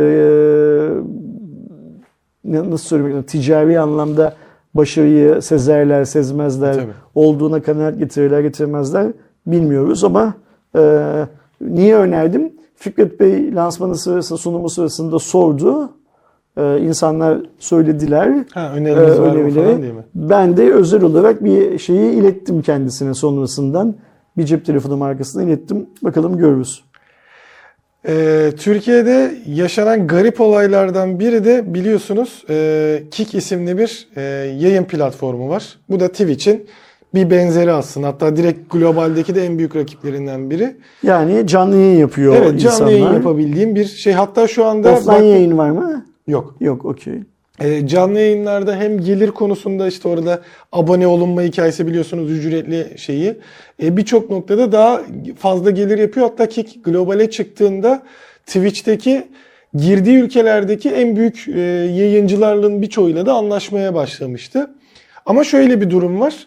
E, Türkiye'de bir erişim engeli geldi ve erişim engeli de e, BTK tarafından ziyade e, Milli Piyango İdaresi Genel Müdürlüğü kararıyla erişim engeli Niye? getirildi. Çekiliş falan mı yapılıyor Kick'te? E, açıkçası durum şu. Kik'in sahibi Stake isimli bir firma. Stake'de e, dünyadaki en büyük e, kumar işleten e, şeylerden biri. Online kumar sektöründeki Tamam. firmalardan biri.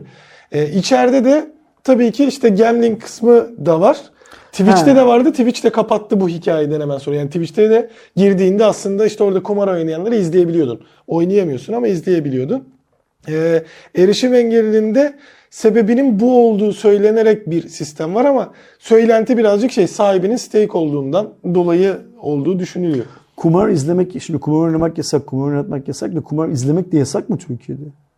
Ya benim anladığım kadarıyla yasak ama benim nedense birçok e, şeyde en çok karşıma çıkan da Twitter'da da işte e, birçok uygulamada da kumarların şey geliyor. Hatta e, neydi o e, iş insanı Yani Ali Bey falan gibi herkesin bir Bu hükümet şeyi e, işte kaba taslak anlamda kumar diyeceğimiz bahis konusundaki birçok şeye daha çok yakın zamanda e, güncelleme getirmedi mi? Fiyatlarını arttırdı. E, Twitch kanalı mı? Yok yok hayır hükümetten Ha. bahsediyorum. Ülkedeki e, bahis ve yasal bahis Galiba evet orada bir şeyler bir şeyler değişti. yaptı. Oradan ne kadar geri vergi alındı. Yani şöyle bir hikaye var Aydoğan. Alkol yasak. Alkolden alınan vergiyle imamların maaşını ödemek yasak değil. Günah değil. E, kumar yasak.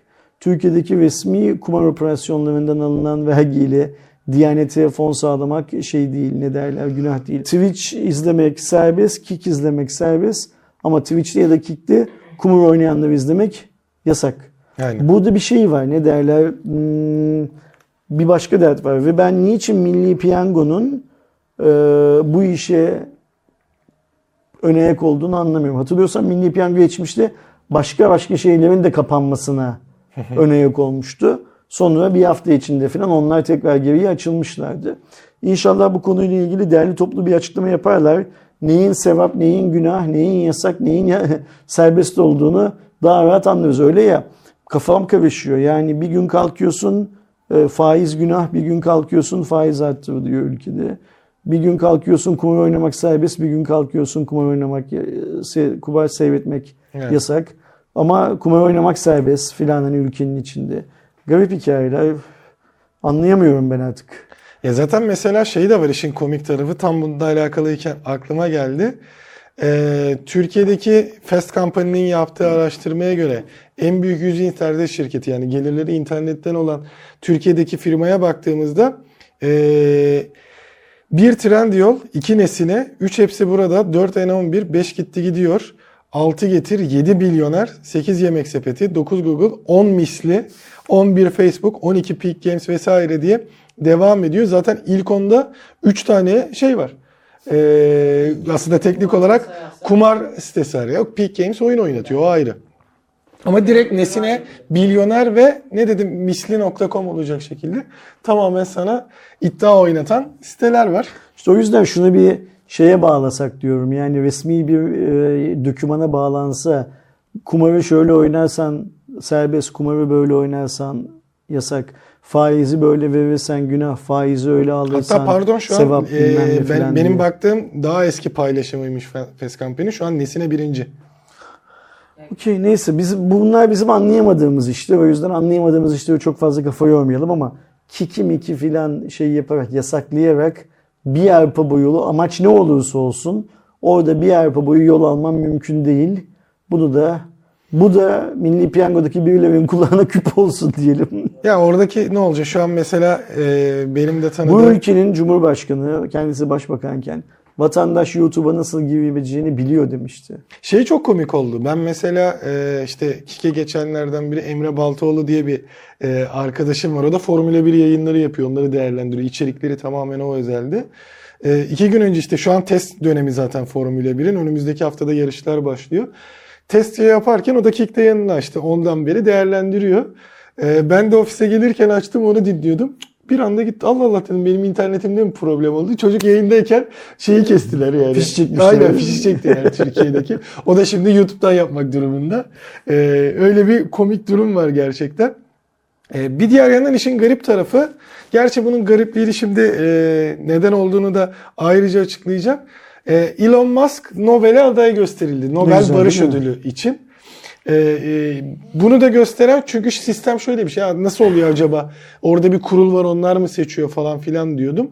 Aslında öneri sistemiyle e, oluyormuş. Burada da Norveç'teki milletvekillerinden biri Marius Nielsen, Nielsen e, tarafından e, özellikle X üzerindeki özgür söylemlerden vesaire e, olduğunu ve bir diğer yandan en büyük e, sebebinin de Ukrayna. Ukrayna'daki e, Starlink arayıcılığıyla beraber e, uydu internetini ücretsiz sağlaması ve ona önem vermesiyle beraber e, olduğu söyleniyor. Yani Elon mi- Musk bir de Mesih'e bir tane de şey yakışır. Ee, Nobel ödüllü, Nobel Barış Ödülü Papyon. yakışır. Yani yıldızlı peki. bu- bunlar işte dünya başkanlığına giden yolun şeyleri, mermer taşları bunlar. İlk önce Nobel Dünya mı Mars başkanlığı mı? Bence direkt bunun Mars'a Dünya veririz. başkanı olup Mars'ı bence şey yapacak, ele geçirecek. Ee, bu basamakta Nobel ödülü verirsin. Bir sonraki basamakta işte bütün dünya ülkelerini birleştirecek, bütün dünya ekonomisine hükmedecek adam olarak falan ortaya çıkartırsın.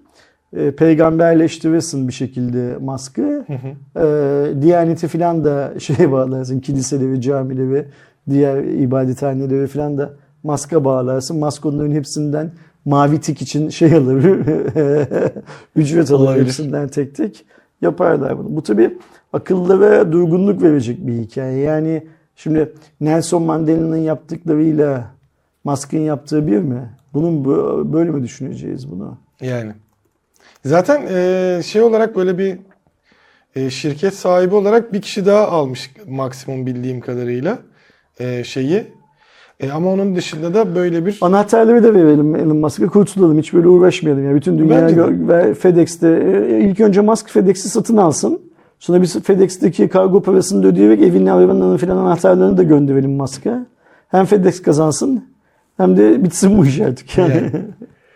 Ee, bir diğer yandan e, son habere geçmeden tam bu SpaceX'ten bahsederken aklıma geldi. Dün gece bir de e, ilk defa bir özel şirketin e, Ay'a yumuşak iniş yapma hikayesi vardı. E, Intuitive e, Machines şirketinin IM-1 misyonuyla beraber yine Falcon 9'la zaten SpaceX hani bu konuda tekel olmaya devam edecek gibi. Adamlar tekrar kullanılabilir roket yapıyor. Daha ne yapsınlar zaten. Odysseus uzay aracı Ay'a yumuşak iniş yaptı. NASA ortaklığıyla gerçekleştirilen bu çalışmada e, Amerika'da Apollo 17'den sonra e, yaklaşık işte bir 50 yıla yakın bir şey oluyor. Ay'a tekrar iniş yapmış oldu. Bir de dediğimiz gibi ilk özel bir e, şirket Ay'a iniş yapmış oldu böylece. Ay misyonunun durdurulma nedeni aslında Ay'da e, dünyaya faydalı olabilecek herhangi bir şeyin olmadığı varsayılması.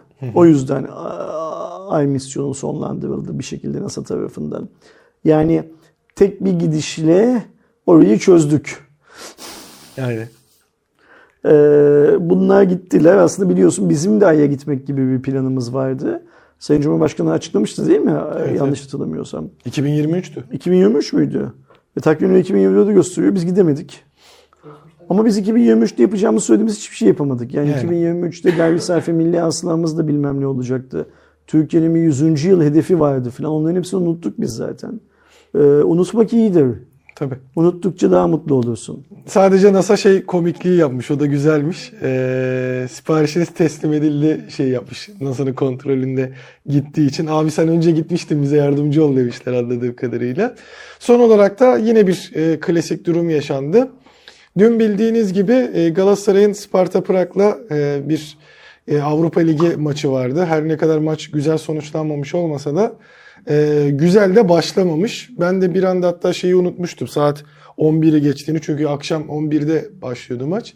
Sonra ne olmuş maç diye Twitter'dan bakarken fark ettim ki Eksen yine ilk dakikalarda birçok insana hizmeti vermekte e, şey olmuş. Hani ne zaman acaba bu durum düzeltilecek ya da her şeyi kabul ettiğimiz gibi bunu da Niye mı biz kabul böyle her cuma raporunda eksen bu işi beceremedi falan diye konuşuyoruz? Ya çünkü ben eksen abonesi değilim. Sen eksen abonesi misin? yo ben de değilim. Okey eksenin derdi bizi niye bu kadar geriyor? Çünkü yani e, bir yayın yapan e, servis sağlayıcının ya da dijital bir içerik platformunun şeyi yapamaması, bu sözünü yerine getirememesi bence konuşulacak bir şey şey olarak. Anladım. okey. Hani bu sadece eksen olmasından da Eksene abone olanlar abone olmaya aboneliklerini sonlandırmayı falan düşünmüyorlar mı hiç? Birçoğu zaten sonlandırdı anladığım kadarıyla. Daha öncesinde de bu e, ilk Şampiyonlar Ligi zamanında e, ki yaşanan sorunlarda da bırakanlar falan yani vardı. şimdi sen paralı bir servise izlemek için abone oluyorsun. İzleyemiyorsan eğer ne iz- ne- neye gelmedik daha.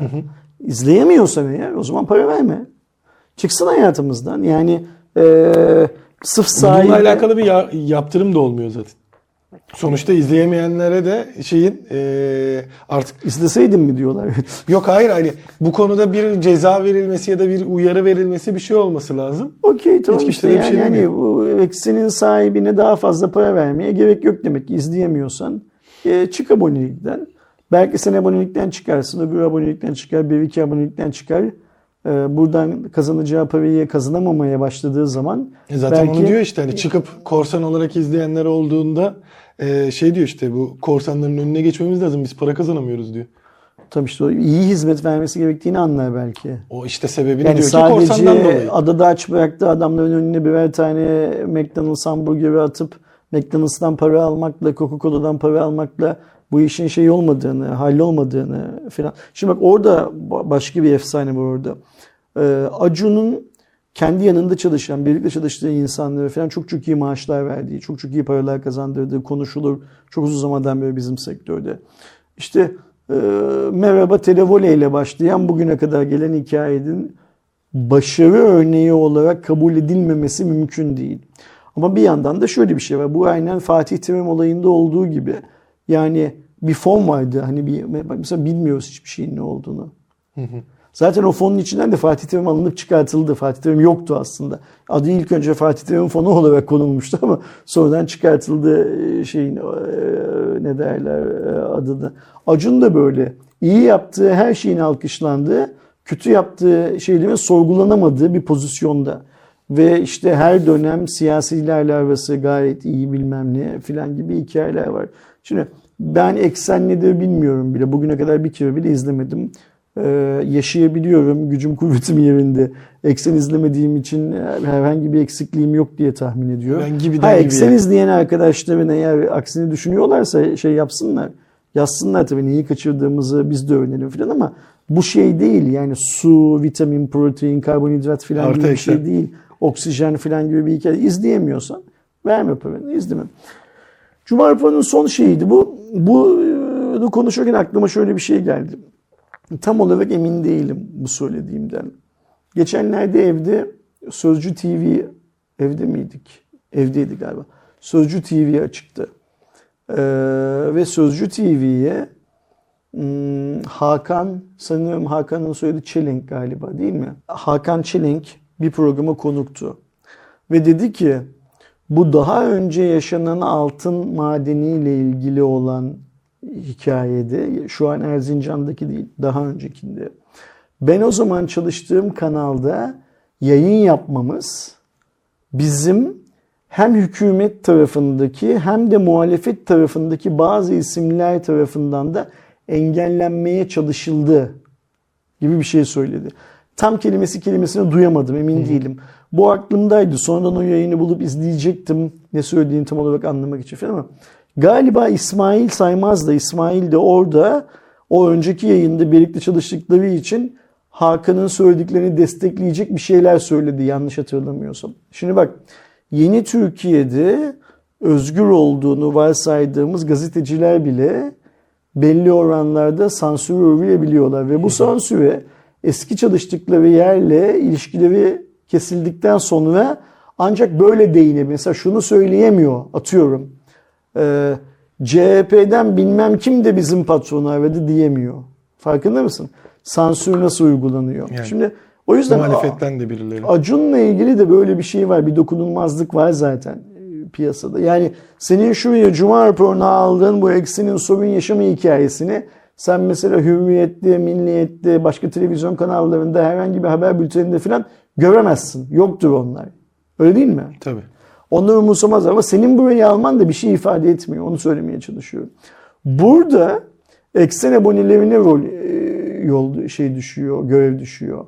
Biraz önce verdiğim örnekte de bu muhalif kanal, muhalif gazeteci bilmem ne filan gibi platformları, kişileri takip eden insanlara, yurttaşlara, vatandaşlara yol düşüyor. Onların şunu sorgulaması lazım. Ee, arkadaşım sen niçin üzerinden bu kadar zaman geçmiş hala bu adamların kim olduğunu söyleyemiyorsun? Sizin yaptığınız yayınları engellemeye çalışan CHP'den kimdi, AK Parti'den kimdi, İyi Parti'den kimdi? Sizin o zamanki patronunuza ulaşıp öyle ya yine bir CNU faciası yaşanmıştı Türkiye'de. Bu haberlerin önüne geçmeye kim çalıştı? Biz bunları konuşamadığımız sürece bir sonraki siyanür felaketini de yaşayacağız. Tabii canım. Biz bunları konuşamadığımız sürece bir sonraki deprem felaketini de yaşayacağız. Ne yazık ki böyle bir hikaye. Bunları konuşmamız çok önemli. Bunları konuşabilmemiz çok önemli. Bunları konuşmamızı engelleyen karşı taraftan olduğu zaman TUKAK'a bizim taraftan olduğu zaman korumamız gereken insanlar değil. Yani bak şunu söylemeye çalışıyorum. Senin FETÖ'cün iyi, benim FETÖ'cüm kötü diye bir şey olamaz. Aynen öyle. Senin sansürcün iyi, benim sansürcüm kötü diye bir şey olamaz. Bir şey ya iyidir ya kötüdür. Sana geldiği zaman iyi, bana geldiği zaman kötü olamaz. Bu hmm, çok linçlenen bir çocukcağız var. Bu şeyle e, CNN hikayesiyle ilgili video çekmiş gitmiş yakın zamanda. Unuttum çocuğun adını. Ha, şey, e, Çocuğun anladım. videosunun ilk sahnesinde o köydeki bir dayı şey diyor. Ya diyor şikayet edenler de diyor buradan nemalanamadığı için şikayet ediyordurlar gibisinden bir şey söylüyor. Şimdi bak Türkiye'deki her iş bu platform, bu normda. Oradan nemalanamadı. Onlar da diyor nemalansa diyor onlar da parayı indiregendi yapsalar diyor şikayet etmezler zaten filan diyor. O yüzden bizim ilk önce kendi ikiyüzlülüğümüzle yüzleşmemiz gerekiyor. Nasıl yapacağımızı bilmiyorum. Hiçbir fikrim yok.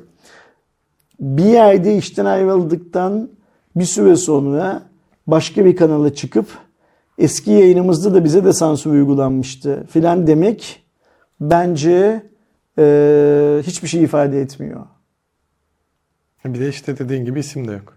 İsim de yok, hiçbir şey yok. Ee, bunu belki söylememek, söylemekten daha iyi bile oluyor. Çünkü söylediğin zaman bazı insanları daha çok umutsuzluğa yönlendiriyor Evet. bile olabilirsin. Bilmiyorum yani günah vebali onların boynuna, bu, bunu böyle şeyleri yaşayan ve anlatmayanların boynuna diyelim. Doğru anladığımı zannediyorum olayı. Böyle yan kulakla duydum. O sırada başka şeyle uğraşıyorduk. Başka bir muhabbet vardı evin içinde. Tam şey yapamadım ama bize şunu gösteriyor işte. Nemalandığımız şey her zaman iyi değildir. Doğru. Ve bizim nemalanmamız bittikten sonra kötü olmaz. Biz nemalanırken de kötüdür. Kötü Kötüyse her zaman kötüdür. Kötüyse biz nemalanırken de kötüdür. Önümüzdeki hafta 300. Cuma raporunda ben Cuma raporunda olamayacağım. Evet. Çok üzgünüm. Gerçekten çok üzgünüm.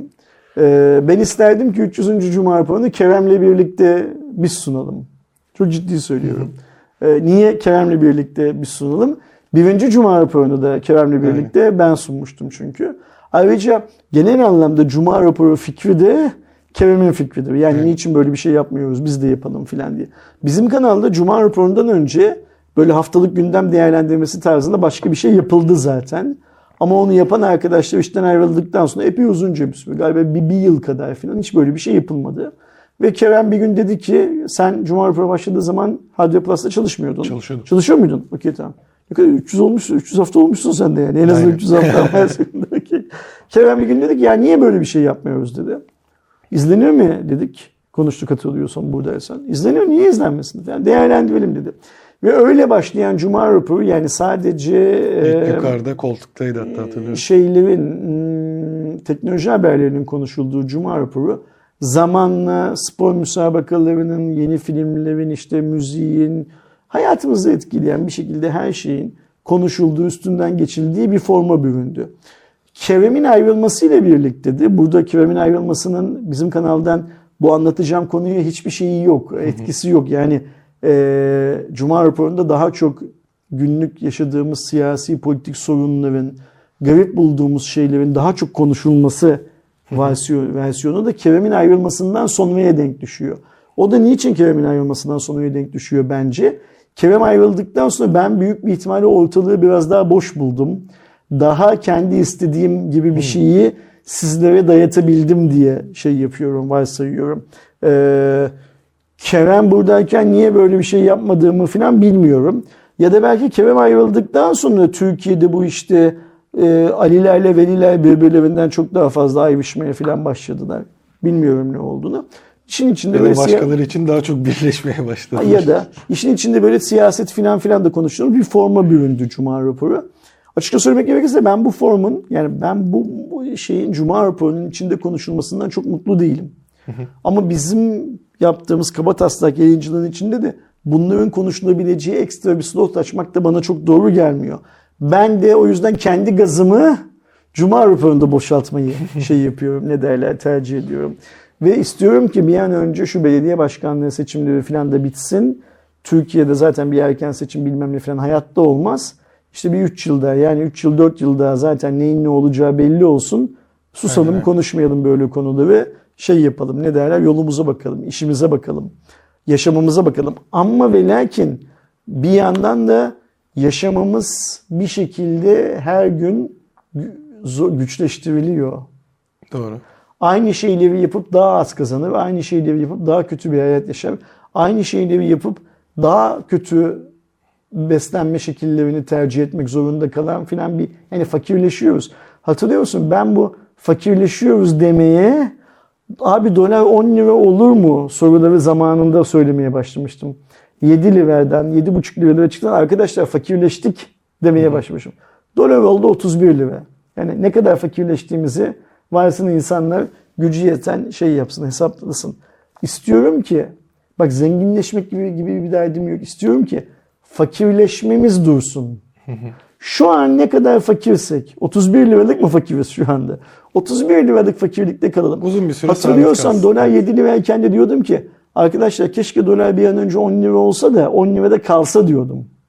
Keşke. Biz 10 liralık fakir olduğumuzu bilelim diyordum. Şimdi de gerçekten öyle düşünüyorum. İşte dolar ne olacak seçimden önce, seçimden sonra, yıl sonunda hiç bilmiyorum ama ne olacaksa olsa da bir yerde kalsa. Mesela sen 31 lira dedin ya dolar şu anda. Mesela yarın sabah uyansam dolar 33 lira olsa ve bir, bir yıl boyunca da 33 lirada kalsa. Bir, bir yıl boyunca şu vatandaş rahat nefes alsa. Rahattan kastım 3 yıl önce aldığı Tam tersi gibi de değil. olabilir, azalma da olabilir de o tabii. Azalma ihtimali görüyor musun? Yani şeyle aynı bence. Sabit kalmasıyla aynı şey. Aynı. Türkiye'nin yeraltı zenginliklerini yabancı şirketlere peşkeş çekmezsek eğer doları azaltabiliriz. Türkiye'nin üretim gücünü çok daha efektif kullanırsak eğer doları azaltabiliriz. Şu an bulunduğumuz haliyle dolar kurunu düşürebilmek bence bu arada benim ekonomi bilgim şu kadar. Yani Sayın Cumhurbaşkanı e, ekonomi o şey demişti. Ben ekonomistim Ekonomist. demiş. Ben ekonomist falan değilim. O yüzden benim ekonomi bilgim bu kadar. O benden tabii ki çok çok daha iyisini biliyordur ama benim bu kadarlık bilgim düşürülemeyeceğini, şu anki şartlarda düşürülemeyeceğini söylüyor. Ancak tabii ki iyi bir ekonomist bu süreci çok çok iyi yönetip düşürebilir. Tabii. Bilimsel olarak bu mümkün. Kesinlikle. Ve bilimsel olarak şüpheci olmak, bilimin mümkün kıldığı şeylerin karşısında durmak, bilime saygı duyan pozitivist insanların yapmaması gereken bir şey. O yüzden ben de böyle bir şey yapmayacağım tabii ki. Ben sadece kendi bilgimle konuşuyorum. Düşürülemez bugünkü şartlarda. Ee, 300. Cuma raporunda ay, pardon 500'e inşallah burada olursun. 500. Cuma raporunda mı? 500. 500'e Kaç? e, 56 Bir bu kadar daha 3 evet. yıl 4 yıl var şeye. Kerem de emekli olur artık benim gibi EYT'den. o zaman 300. Cuma raporunda gönlümden geçtiği gibi ne Kerem ne ben burada olamayacağız. Ama Aydoğan'la Eren karşınızda olacak. Ben de bu sefer mutlaka önümüzdeki hafta Cuma günü geçen Cuma raporunu izleyemediğim için hala dertliyim. Yayınlanır yayınlanmaz arkadaşlarla birlikte, izleyenlerimizle birlikte Cuma raporunu, senin ve Evel'in Cuma raporunu şey yapacağım, ne derler izleyeceğim. O güne kadar kendinize çok çok iyi bakın ve bu önümüzdeki hafta 5-6 gün boyunca yaşanacak olan MVC şenliğini kaçırmayın bence. Çünkü önümüzdeki bir hafta bu kanalda ne göreceksiniz? Büyük bir ihtimal önümüzdeki bir yıl boyunca onların uzun versiyonlarını göreceksiniz. Yani 2024 yılının teknolojileri önümüzdeki hafta açıklanacak aslında. Bu kanal özelindeki ağırlık verdiğimiz teknolojiler önümüzdeki hafta açıklanacak aslında. O yüzden e, lütfen Hardware Plus'a eğer teknolojiyle kendinizi yakın hissediyorsunuz Hardware Plus'a biraz daha fazla zaman ayırın ki başlangıcından itibaren teknoloji takviminin 2024'ün takip ediyor olun. Size şimdiden iyi bir yayınlar diliyorum. Hoşça kalın. Kendinize iyi bakın. Görüşürüz.